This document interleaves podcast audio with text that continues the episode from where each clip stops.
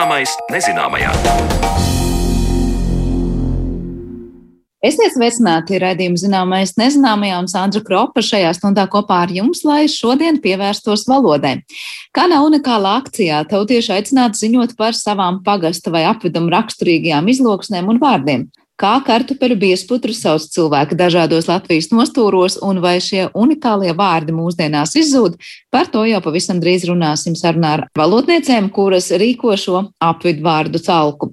Bet pirms tam iepazīsim to, kā top jaunvārdi un latviski tulkojumi svešvārdiem.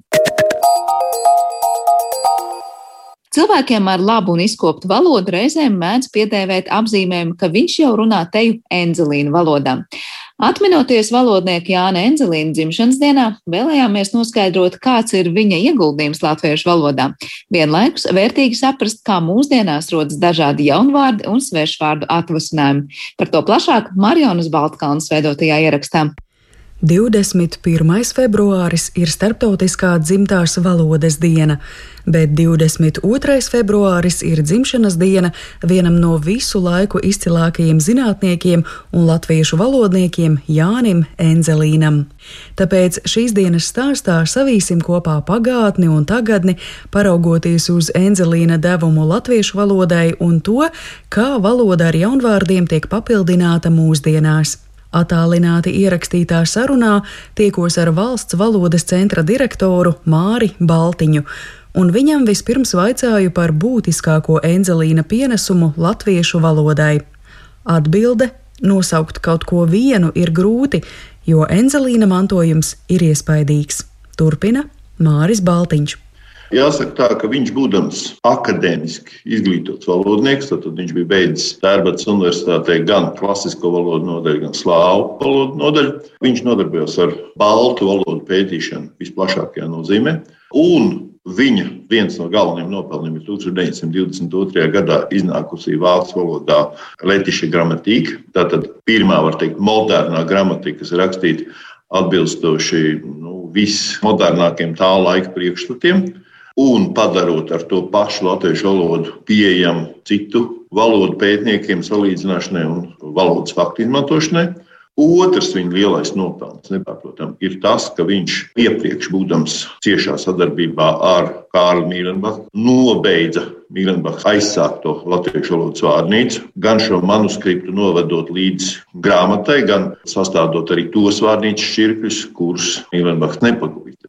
Vēl viņam ir vairāk daudzi lieli fundamentāli pētījumi gan par latviešu valodas un baltu valodas skaņām un formām, ja mēs runājam par grāmatām, gan par senprūšu valodu, kas uh, ilgstoši tika uzskatīta par vienu no visfundamentālākajām senprūšu valodas apcerējumiem. Bet, protams, viņš nebija absolūti kabinetzinātnieks mirklis, kad tāpa Latvijas universitāte viņam vienkārši neļāva to darīt. Viņam tātad bija jāiesaistās arī gan terminoloģijas tapšanā, gan valodas kultūras jautājumu risināšanā, arī šajā virzienā viņa ieguldījums ir pietiekami liels. Un šai laikā viņš, protams, arī iesaka daudzus vārdus. Ne visi tie ir viņa varbūt tieši radīti, ir, ir vārdi, kuriem viņš vienkārši ir piešķīris tādu precīzāku formu. Viņš no ieteiktā, bet nepareizā vārda apgādniecība radīja šo visnotaļ glīto vārdu apgādes. Grāmatā apgādes, teiksim, vai citos gadījumos viņš ieteica, ka varētu, protams, būt arī nekāda vaina no vārdam trotuārs, bet tikpat labi varētu būt arī latviskais vārds ietve, kas mums liekas tagad absolūti normāls un jābrīnās, kā mēs bez viņa būtu iztikuši. Vai mirklī, kad parādās jautājums par dažādām studiju formām, tie arī ir viņu ieteikumi klātienē un neklātienē. Kas arī, patiesībā sakot, mēs to uzskatām par pašsaprotamu, bet kādam viņš bija jāiesaka, kādam bija jādod šīs uh, formas. Jānis Enzelīns arī teicis, ka no ideālas valodas viedokļa būtu pareizi lietot vārdu pildām spalva, līdzīgi kā mēs sakām vārdu rakstām mašīna. Tomēr valodas praksē ir uzvarējušas īsākas formas, proti, pildspalva, nevis pildām spalva, vai kuļmašīna, nevis kuļam mašīna. Taču nevienmēr Enzelīns uzskatīs, ka valodā jau sen iesakņojušies vārdi būtu jāmaina. Piemēram, pagājušā gadsimta 30. gadu beigās daži mācītāji teikuši, ka būtu jāatsakās no vāciskā vārda sprediķis, un tā vietā labāk vajadzētu lietot vārdu svētruna. Pēc Enzelīna domām vārdam sprediķis nebija nevainas, un tā nu mēs to lietojam joprojām. Jautājums, vai tā latviešu valoda, ko mēs lietojam mūsdienās, nu tā faktiski ir tiešā sasaistē ar Enzelīna un, protams, arī Mīlenbacha veidoto valodu, vai tomēr tie 20. gadsimta notikumi, visas varas eh, svešās, kurām mēs esam gājuši cauri, izdara tādu triecienu tam, ko pirms tam izdara Enzelīns. Nu, redzat, tas ir filozofisks jautājums, vai tas ir vienmēr kaitējums vai trieciens. Nu, šis uh, viens no jautājumiem, par ko mēs vienmēr esam daudz bijuši spiesti diskutēt ar trījus valodniekiem un arī ar dažiem šeit dzīvojušiem valodniekiem, ir šis jautājums par mīkstināto ēru un par CH. Abus šos principus Enzelīns aizstāvēja, lai gan nu, dzīvā valodā viņi nemaz tik daudz nebija. Un patiesībā sakot, nu, šeit jādod vārds vienai no nozīmīgākām Enzelīna skolniecēm, Edija Hazenbergs Šturma. Un viņa rakstot par šo savā vēstulē, saka, ka viņai no kā valodniekam, zinātniekam ir žēl, ka šis mīkstinātais R pazūd no valodas prakses.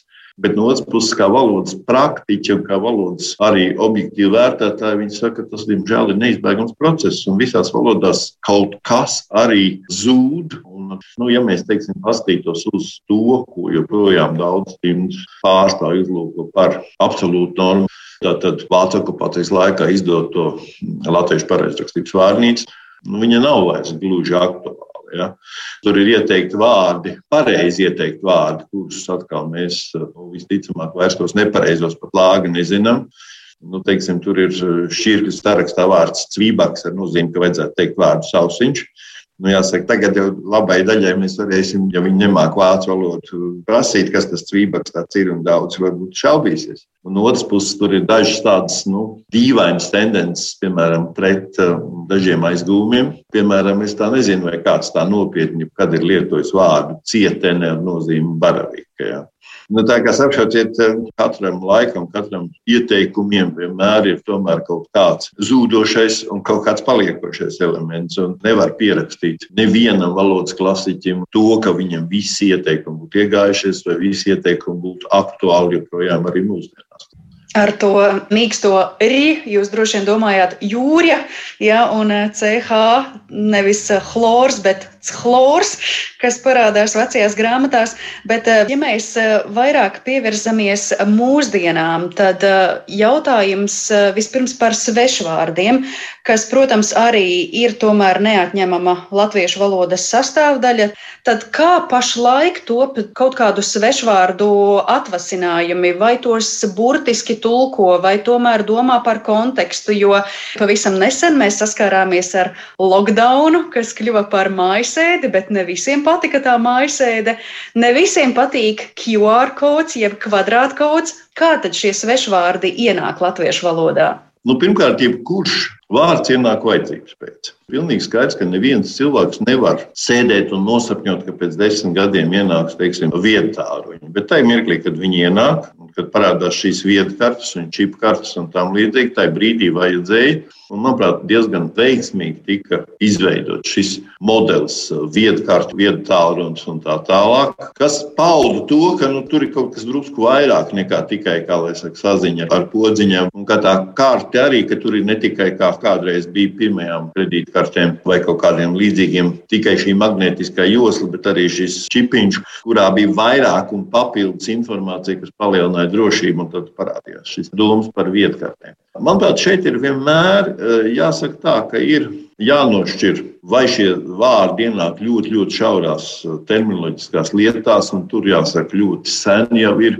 ienākuši daudz specifiski vārdi. Te pašā laikā ir ļoti daudz lietas, kur ir vajadzīgs vismaz īsi brīdi padomāt, vai tomēr mēs nevaram šo pašu jēdzienu izpaust un pateikt ar savus valodas līdzekļiem. Un šeit lūk, radās, piemēram, kaut vai jautājums par šo kvadrātkodu, kas nebūtu neradās tad, kad mēs te visi sākām nēsāt viņu līdz savos tāluņos vai uz lapiņas izdrukāt. 2016. gadā Latvijas Zinātņu akadēmijas termometras komisijai kāds kungs iesūtīja jautājumu, ja šie kodi plaši ienāk, tad kā viņus vajadzētu saukt. Un tad, pēc analoģijas, ja mums veikalos precēm ir svītra kods, kur mēs skaidri redzam šīs svītriņus, dažādu platumu un ar cipariem marķēts, tad līdzīgi, ja šeit, teiksim, tas datu nesējs tomēr ir kaut kāds kvadrātiņš vai kaut kāda tāda nu, nosatīta kvadrāta, tad radās šis uh, saliktenis kvadrātkods, kurš jau tika atbilstoši publiskots Latvijas vēstnesī, kā terminoloģijas komisijas lēmums. Tāpēc es domāju, ka, teiksim, lai kā kāds uh, nu, grib šikoties un šos vārdus, šos burtus izrunāt pēc angļu modes, nu, būtībā tas ir gan nērti, gan arī pārprotami, vai ār. Vienmēr viss sapratīs, ka tas ir ērburts, domāts un tam līdzīgi tas ir jautājums. Kas attiecas par šo lockdown, tad nu, man nav pārliecība, ka mums vajadzētu ieviest vārdus no cietuma terminoloģijas, jo tas vārds principā nāk no turienes, kas nozīmē to, ka, ja cietumā izceļas dūmus, tad faktiski tie pārējie visi tiek nolikti, ka viņiem jāsēž kamerā. Arī tie, kas dumpjos nepiedalās. Tas sākotnējais lockdown vārds ir tieši no tā cēlies. Kā ierobežot, kā lai saka, nemierus atbilstošās sociālās korekcijas iestādēs. Ja? Nu, tāpēc varbūt es teiktu, ka nevienam nav patīkami, lai viņus salīdzinātu mani ar šādiem ļaudīm. Tāpēc, protams, es nekādā ziņā nevaru lielīties, ka man būtu kaut kāds, kā lai saka, līdzdalība pie vārdu mājasēdi, bet, protams, kā viņš savu funkciju ir paveicis un nu, viņš mums būs jālieto. Jā. Bet uh, vēl jūs pieminējāt šos vietāluņus, viedierīces. Šeit es jūtu, ka tomēr zināma nozīme arī ir tādai valodas labskaņai, vai ne? Jo mēs jau vārdu Smart ID vai smartphone mēs jau teorētiski latviešu valodā varētu tulkot arī kā gudra tālrunis vai gudra karte, bet te jau parādās nu, tas nērtums, un tāpēc mēs lietojam nevis gudrs, bet mhm. vietas. Nu jā, redzat, tur ir vārds vietas arī ir ļoti interesantu vēsturi, jo patiesībā sakot šo vārdu no apvidus vārdiem izraka dzēnieks Linārds Laicēns, kurš no somu valodas tulkoja eposu Kalevalu, un kur viņam vajadzēja šo domu šķīrumu ka nu, gudrs ir viena kategorija, bet vietas tas ir tāda ārāka gudrības kategorija, kas teiksim, nevis ir salasījies gudrības, bet kas spēja redzēt šo, kā lai saka, pasauli tādā dziļākā sakarībā. Ja? Un, teiksim, ja gan vācu, gan arī krievu un angļu valodā un franču īši, teiksim, šie divi vārdi, tad latviešu ilgstoši viņi nebija. Ja? Un, būtībā viņš ir tas, kurš mums iedeva šo iespēju, kā teikt, skaisti diferencēt. Vēl jāņem vērā, ka vienu vārdu no kādas svešvalodas pārtulkojot uz latviešu valodu, tas tomēr var nebūt pilnībā saprotams. Piemēram, latviešu valodā tiek lietoti vārdi ar anglisko izskaņu ing, skrīnings, monitorings, un Māris Baltiņš norāda, ja angļu valodā pietiek tikai ar vienu vārdu, tad latviešu valodā nepietiek, jo nav saprotams, vai runa ir par procesu vai par rezultātu Līdz ar to būtu jāliek kāds vārds klāt, piemēram, medicīnā tā būtu skrīninga programma vai skrīninga testi, nevis vienkārši skrīnings. Ar šiem papildu vārdiem mēs izceļam nianses, un nozīme top skaidrāka. Bet noslēgumā nedaudz par jaunvārdiem, ko valodnieki iesaka mūsdienās. Piemēram, vārda luksofors vietā bijuši piedāvājumi lietot vārdus krāsacis vai pat lucifers, taču diezin vai kāds to šobrīd lieto domājot luksaforu, bet kopumā, reaģējot uz dažādiem procesiem, jaunvārdu radīšana ir nepieciešama arī tādu vārdu kā tiesības sargs un zīmols. Nu, kaut vai pirms gadiem, kad tapu tiesību sargu birojas, tad sākotnēji visos projektos viņš figurēja kā ombuds un ombudsmens un tam līdzīgi. Un tad visiem likās, ka nu, varbūt tas tā baigi labderēs. Un tad, kad ieteica sākotnēji šo vārdu tiesību sargs, tad bija cilvēki, kas teica, nu, kā viņi atšķiras no tiesību sargājošo iestāžu darbiem. Toreiz vēl bija tas 90. gados pietiekoši aktuāli no miličajā. Nu, tad izrādās, ka neviens neko nav sajaucis un nekas tāds nenotiek. Un līdzīgs gadījums bija ar šo zīmolu, kurš, protams, veidojoties un niansējoties teiksim, intelektuālā īpašuma aizsardzībai un tam līdzīgi, nu, ir skaidrs, ka tas vārds ir vajadzīgs.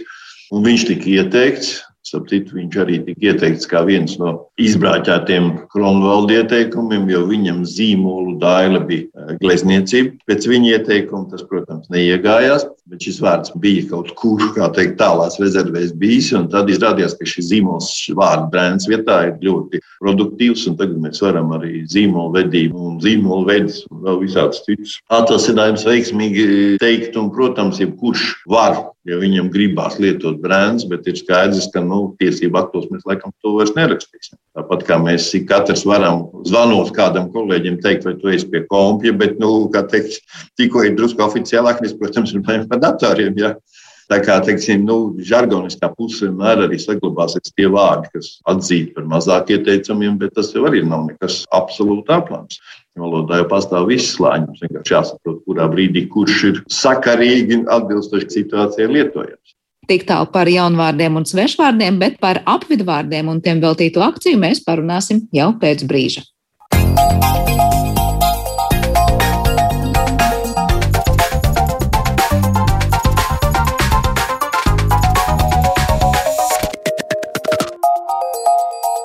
Zināmais nezināmajā. Lai arī latviešu valodā runā vien nepilni divi miljoni pasaules iedzīvotāji, tā ir ļoti dažāda savā skanējumā un bagāta valoda. Par to var lieliski pārliecināties, iepazīstot latviešu valodas dialektus, par kuriem nesen stāstījām raidījumā, kā arī izloksnes un apvidu vārdus. Par tiem tad šodien mēs sīkāk runāsim raidījuma turpmākajās minūtēs ar mūsu viešņām. Tāpēc sveicu mūsu attālinātajā studijā Latvijas Universitātes Latviešu valodas institūta direktoru un vadošo pētnieci Sandu Rapu. Labdien! Labdien! Un šī paša institūta pētniece Anita Ozola. Sveicināti! Labdien! Es sākšu ar to, ka laikam ir kāds aktuāls notikums, kam varam pievērsties, eh, jo ir kāda akcija, kurā jūs aicinat iesaistīties Latvijas iedzīvotājs. Varbūt pastāstiet vispirms, kas ir aktuāls valodas eh, lauciņā šobrīd un kā mēs ik viens varam tajā piedalīties. Eh, Sandra, varbūt sākšu ar jums. Jā, mēs valodnieki sāksim apvidvārdu talku un aicināsim palīgā tautu mums vākt eh, apvidvārdus, jeb vārdus, kas atšķiras no literārās valodas un ko lieto kādā noteiktā apvidū.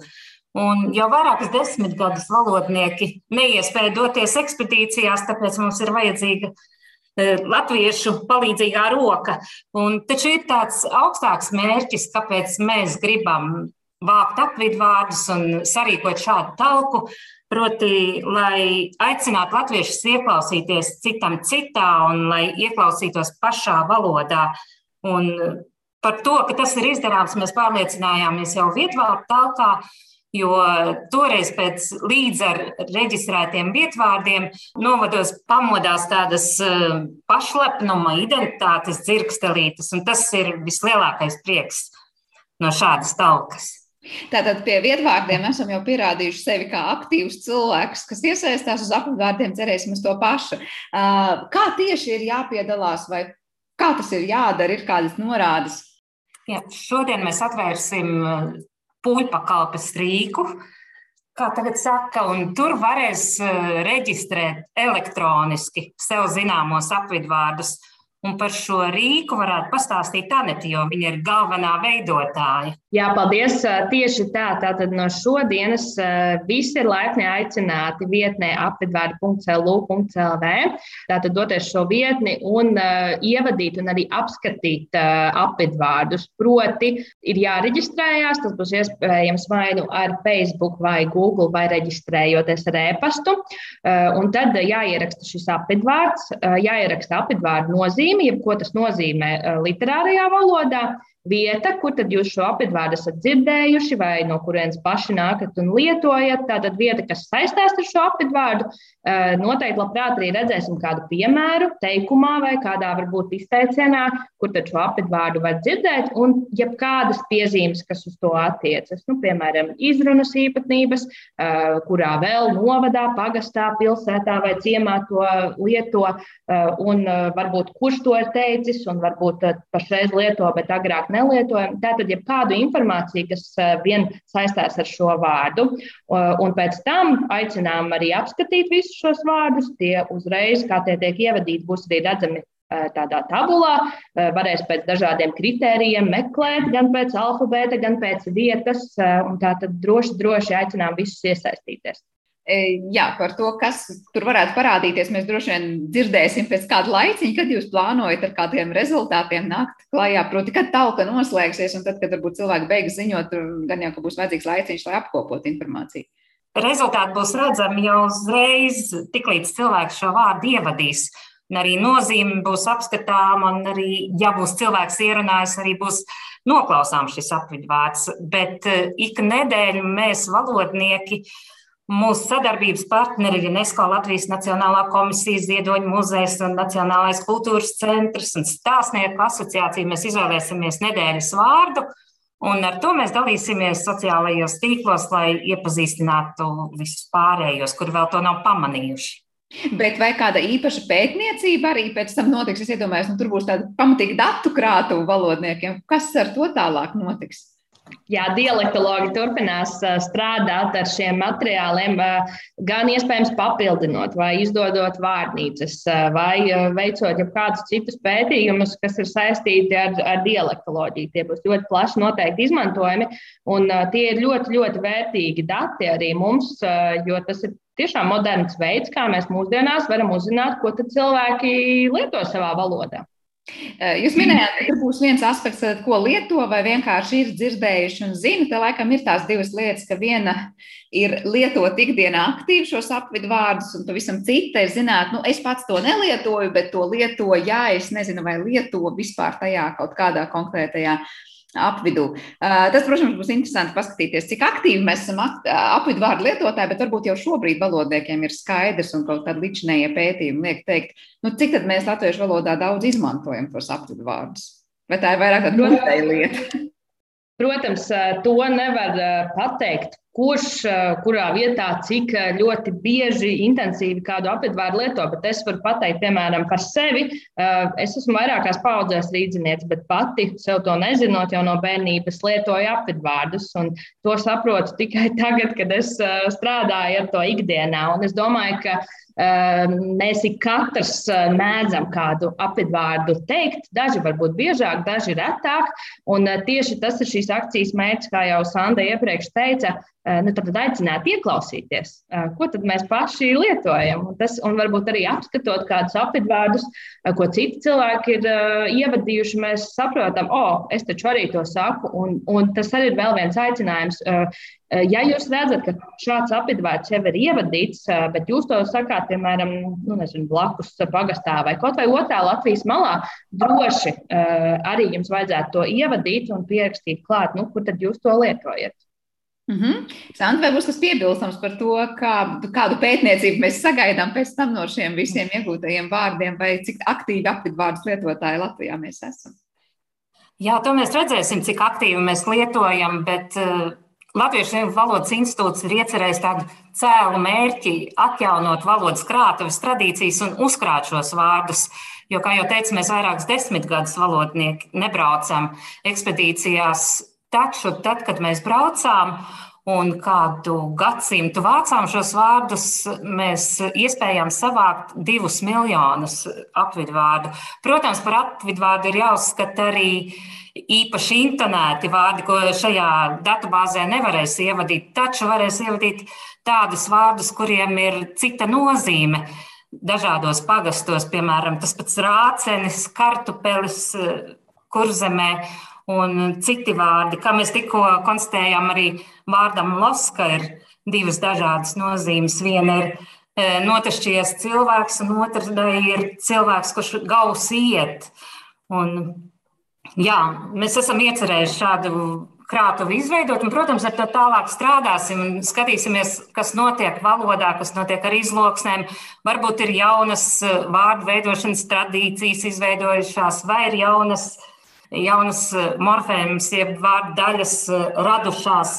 Un arī tīri praktiskiem mērķiem man ir kāds zināms kāds stāsts no padomju laikiem, jau no padomju laikiem, kad uh, sanāca kopā terminoloģijas komisija un mēģināja izdomāt vārdu notekai, kas eh, ziemā neaizsāst, kas visu laiku tek un tek. Un viņi mēģināja visādi no latīņu, grieķu valodas, no angļu valodas, krievu valodas, nu nesanāk. Un tad, kā gadījies, kā ne, tur kādu reizi piedalījās dialektologs, un viņš teica, ka izloksnēs jau tāds vārds ir, ko viņa pūles, un tas ir vārds lataka. Un tā kā ar šādiem mērķiem var izmantot, un to jau arī redzam mūsdienās, ka Latvija, ne jau Latvijas, bet vispār visā pasaulē labāk cilvēki labāk paņem no, vār, no palodzes vārnīcas un paskatās, nevis iziet ārā laukā aiz loga un paskatās, kas notiek pašu pagalmā. Bet apvidvārdus ir grūt, grūtāk konstatēt nekā, piemēram, vietu vārdus. Jo um, cilvēki bieži vien nesaprot, ka tas ir apvidvārds, jo viņš pat nezina, kā literārajā valodā to sauc. Piemēram, mums komentēja vienu vārdu ķinka, respektīvi kartupeļu biesputra sociālajos tīklos, un tur komentētāji stāstīja šādu stāstu, ka viņa mācījusies Limbaģa pusē arotskolā, un uh, kādu vakaru trīs meitenes satikušās, un uh, viena jautājusi, kas būs vakariņās. Un tad uh, viena no meitenēm teikusi, būs taču ķinka. Un otra izsaukusies, kas tas tāds? Un tad trešā meitene paskaidroja, ka tā ir kartupeļu biesputra. Un tad tā trešā meitene teikusi, ah, pensis būs vakariņās. Nu, katram ir savs nosaukums, un tad tikai kopā sanākot, saprot, ka tas ir viens un tas pats, bet skaisti tie nosaukumi. Es gribēju jums pavaicāt, varbūt arī klausītājiem, kuri nav valodnieki, viesi skaidrību tajā, kas ir un kas nav apvidvārds. Nu, protams, dažus piemērus mēs dzirdējām, un tur jau mēs katrs varam izsacināt. Jā, proti, nu, ja kartupeļu biezens ir ķinka, tad ķinka, acīm redzot, ir apvidvārds. Bet, um, Man pašai liekas, vai vecvārds un apvidvārds uh, kādreiz var būt viens un tas pats, vai savukārt, uh, nu, kā mēs varam pazīt, ka tas noteikti ir apvidvārds un ne ar ko citu to nesajauksim. Es domāju, ka nevajadzētu ļoti strikti nošķirt, vai tas, piemēram, ir apvidvārds vai vecvārds, jo viens vārds noteikti var būt gan vecvārds, gan apvidvārds. Varbūt agrāk tas ir bijis izplatīts vairāk visā valodā un pašreiz tikai vienā noteiktā areālā.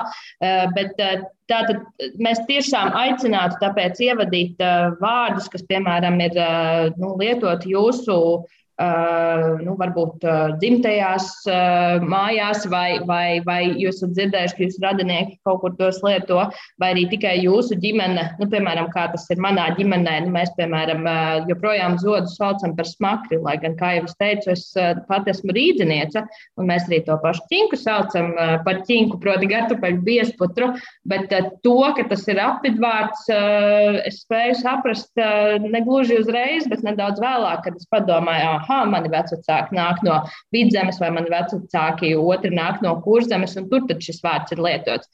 Bet, eh, un noteikti nevajadzētu arī baidīties, ja atšķirās viens eh, burts, piemēram. Nu, Sandra, varbūt tev kāds nāk prātā.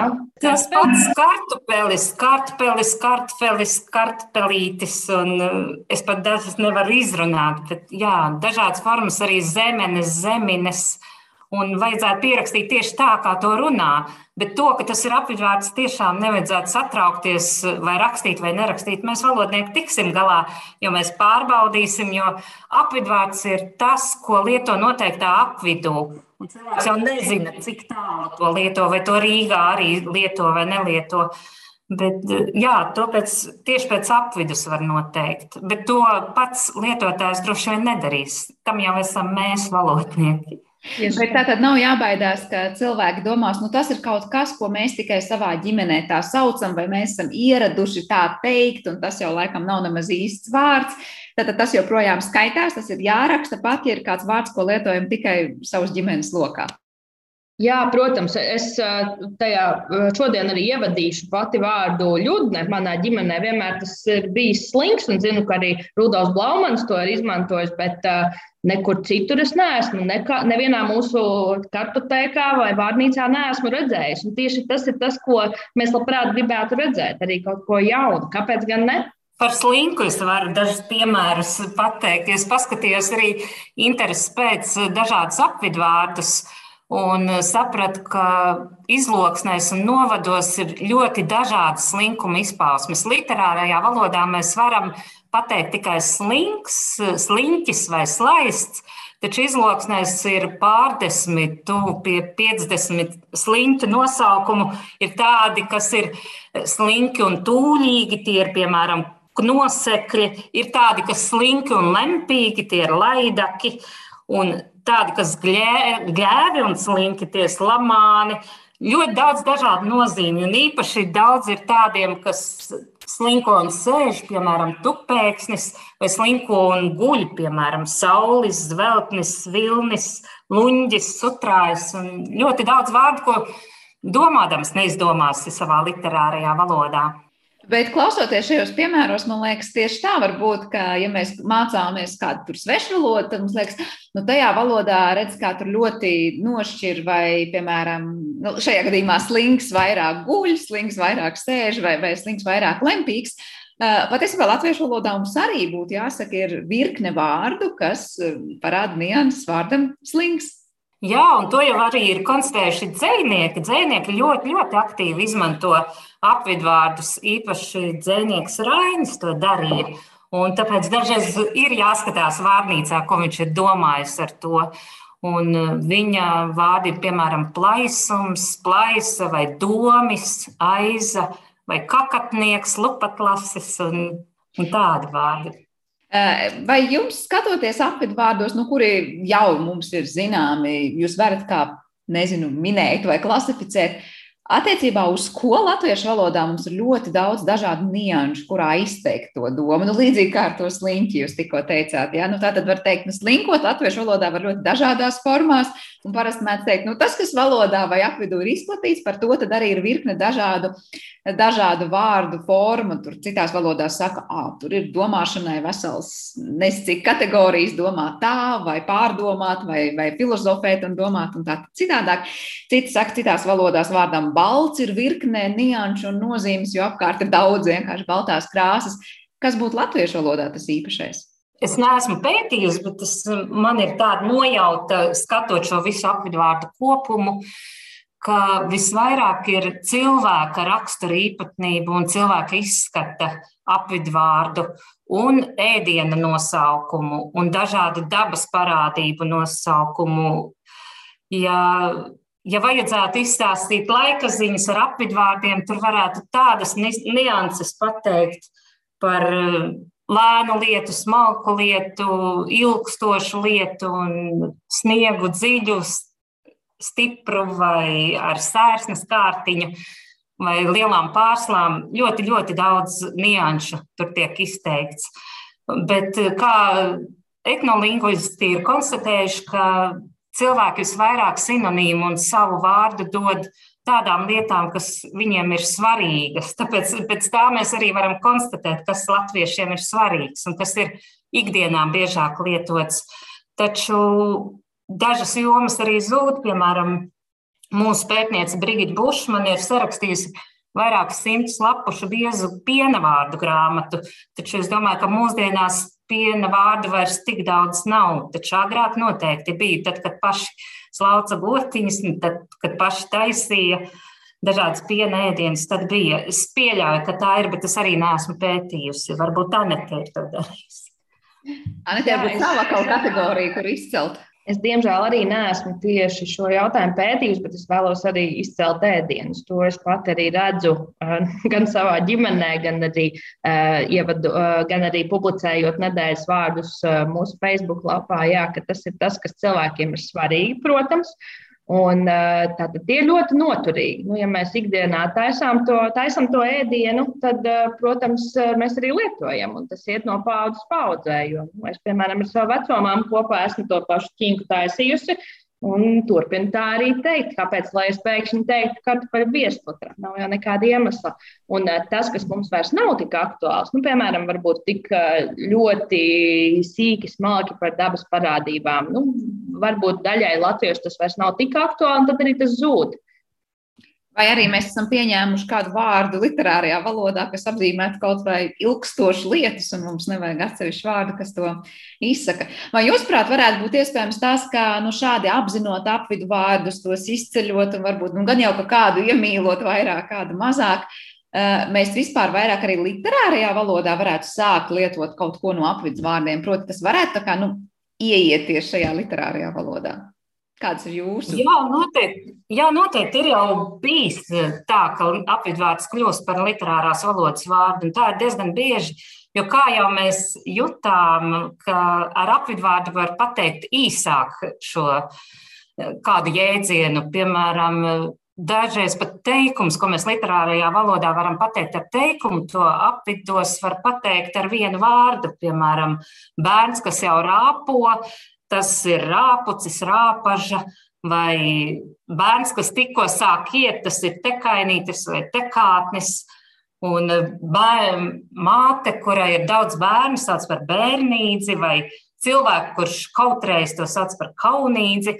Tāpēc literārās valodas lietotāji jau, ja tiem vārds iepatīkas, viņi labprāt paņem savā valodā un plašāk lieto visā Latvijā.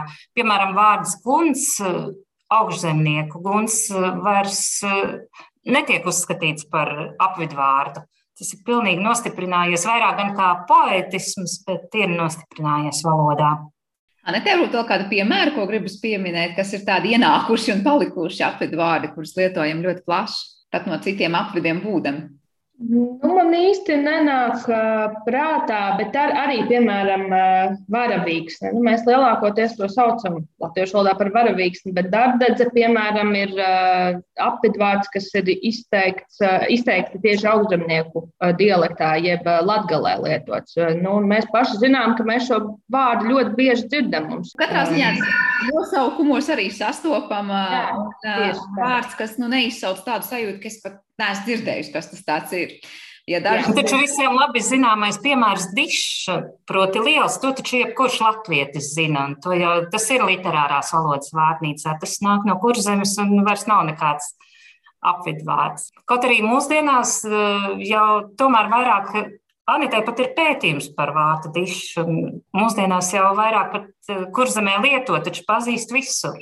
Jā, tieši tā, dižu lieto visā Latvijā ar varbūt nozīmes atšķirībām, bet tas visticamāk ir ienācis eh, no kuršu valodas un ir arī šajā apvidū joprojām vairāk lietots tieši kā pilnīgs sinonīms vārdam eh, liels, nu, tāpēc viņiem arī ļoti daudz gan vietvārdu, gan arī vārdu, nu, piemēram, eh, dižrausis un dižstende un dižsaunaks un ļoti, ļoti daudz vārdu citu ar šo dišu sākumā. Man radās doma tāda, nu, vai mums ir daži tādi apveidi, kas būtu īpaši izceļami tajā, ka tur ir ļoti daudz vai nu vienkārši daudz šo apvidus vārdu vai aktīvi lietotu latviešu valodā, literārajā valodā no šī konkrētā apvidus, proti, vārdi, kurus mēs vairāk pieņemam. Es nezinu, vai Latvijas karti tagad iedomājoties acu priekšā, mēs varam izcelt kādus no Latvijas reģioniem. Tā grūti uzreiz pateikt. Es gribētu teikt, ka visā Latvijas teritorijā ir ļoti daudz lietotu apvidvārdu. Ja mēs apskatīsimies latviešu valodas dialektu aplantu, kur tad ir apvienoti šie apvidvārdi, nu, proti, leksikas daļu, mēs arī redzēsim, ka visa Latvijas karta ir ļoti krāsaina. Varbūt vienu vārdu mēs vairāk lietosim kurzemē, vienu latgalē, bet nebūs tā, ka tikai Uh, Latvijā ir ļoti daudz apvidvārdu. Tāpēc noteikti kaut kādas atšķirības ir, bet tā grūti uzreiz pateikt. Mhm, paldies, Sandra. Vidzeme ir tāda, kurā ir nu, varētu teikt, kas ir visbrīvdomīgākā un kur ir ļāvusi tiem vārdiem izplatīties. Un arī vidzemes izloksnes ir literārās valodas pamatā, tāpēc par vidzemi gandrīz droši var teikt, ka tur ir Varbūt ir mazāk apvidvārdi, bet to noteikti es nevaru apgalvot, jo es arī pati esmu no Ziemeļvidzemes un uh, dažas vārdas, kas ir pāris metrus augstāk no manas geogrāfiskās dzimšanas vietas. Uh, dažas vārdas es pat nezinu. Es nezināju, ka agaņas ir, piemēram, ogu tās iekšķiņas cietās un zaļo ogu iekšķiņas un tāds sīks vārds, bet mūsu pusē man šķiet citādi mēs tās saucām.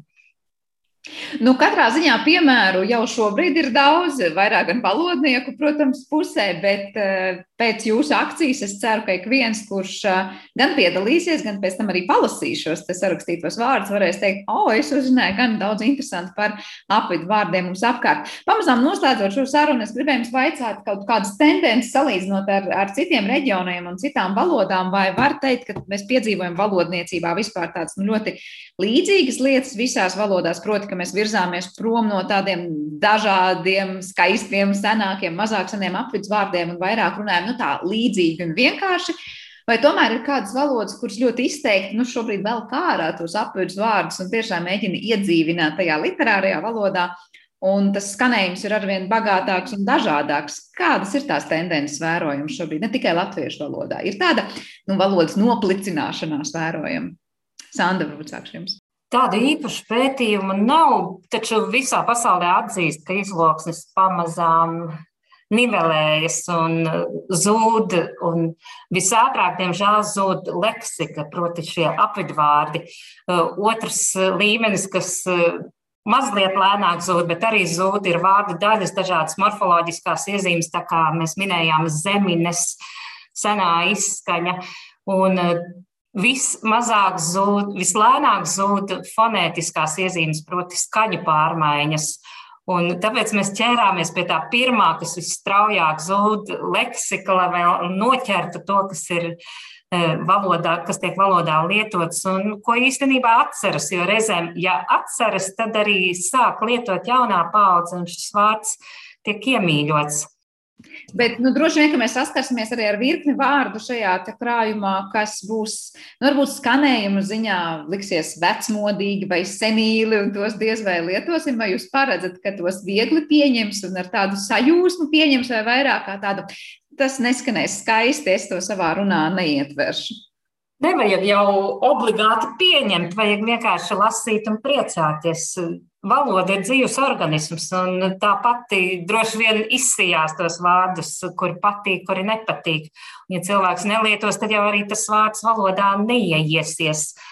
Bet eh, tiešām to var lasīt kā tādu atvērtu grāmatu, šos vārdus. Var skatīties, kā vārds ir veidojies. Man ļoti patīk Dundagas pusē, es nezinu, tas ir visi šie piemēri, ko es saucu, tie jau ir no 60. un 70. gadiem. Iespējams, ka šāds vārds vairs nepazīst, bet, piemēram, Dundagas pusē ir vārds lūsināties, vērīgi skatīties. Mēs jau saprotam, no kāda vārda šis eh, darbības vārds ir radies, un tik skaisti, un var redzēt, kā tā valoda ir attīstījusies. Tā kā vienkārši var lasīt un priecāties. Man vienam patīk, otram nepatīk, bet to, ka tas ir interesanti pavērot valodas kā dzīva organisma attīstību, tas ir, protams, ne, neapšaubām. Anita, vai gribēsies vēl ko piebilst pašā raidījuma noslēgumā attiecībā uz to, ko sagaidām no tā, kādas reakcijas raisīs šo apvidu vārdu, nu, nezinu, celšanu saulītē? Jā, es gribētu varbūt arī paturpināt par uh, to, kā šīs uh, izloksnes nivelējas, uh, ja paliek varbūt netik izteiktas. Tā tiešām ir, tas ir raksturīgs visām valodām, jo valoda, protams, ir dzīva un mēs, eh, mūsu valoda ļoti tiek ietekmēta no, gan no, piemēram, plašsaziņas eh, līdzekļu lietošanas, gan no tā, ka eh, mēs braucam mācīties, studēt un tam līdzīgi. Un agrāk, protams, tas varbūt nenotika tik ātri, bet nav tā, ka tas ir. Nu, ka viss zūd uzreiz. Ļoti daudz, kas vēl šajā valodā ir. Tieši tāpēc mēs arī aicinām uh, nu, tad izcelt to, kas, kas vēl tur ir, kas vēl ir eh, gan eh, varbūt izteikts, skaists, un eh, dalīties ar citiem. Un tas ir tas, ko mēs ļoti sagaidām. Un tātad atgādinām, tā vietne, kurā to darīt, būs apvidvārdi. Jā, apvidvārdi.lu.lv. Tā kā būsim aktīvi, skatīsimies, ko tur paši būsim sarakstījuši, un galvenais turēsim ausis vaļā. Un, kā jūs teicāt, nu var jau būt, ka tādas laika ziņas vienā brīdī lasot apvidvārdus, terminoloģijā varētu teikt, ne tikai mēs ļoti interesanti varētu izteikties par dažādām niansēm, bet vēl labāk būtu, ja mēs spētu to visu arī saprast pēc tam. Paldies jums abām par šo sarunu, un es atgādināšu, kā Latvijas Universitātes Latviešu valodas institūta direktora un vadošā pētniece Sandra Apka, kā arī šī paša institūta pētniece Aneta Ozola šodien viesojās mūsu attālinātajā studijā. Ar to arī raidījums ir izskanējis. To producēja Paula Gulbinska un par mūziku rūpējās Girds Bišs, bet ar jums kopā viesis Sandra Kropa. Veiksmīgi visiem dienu un uz tikšanos citā reizē!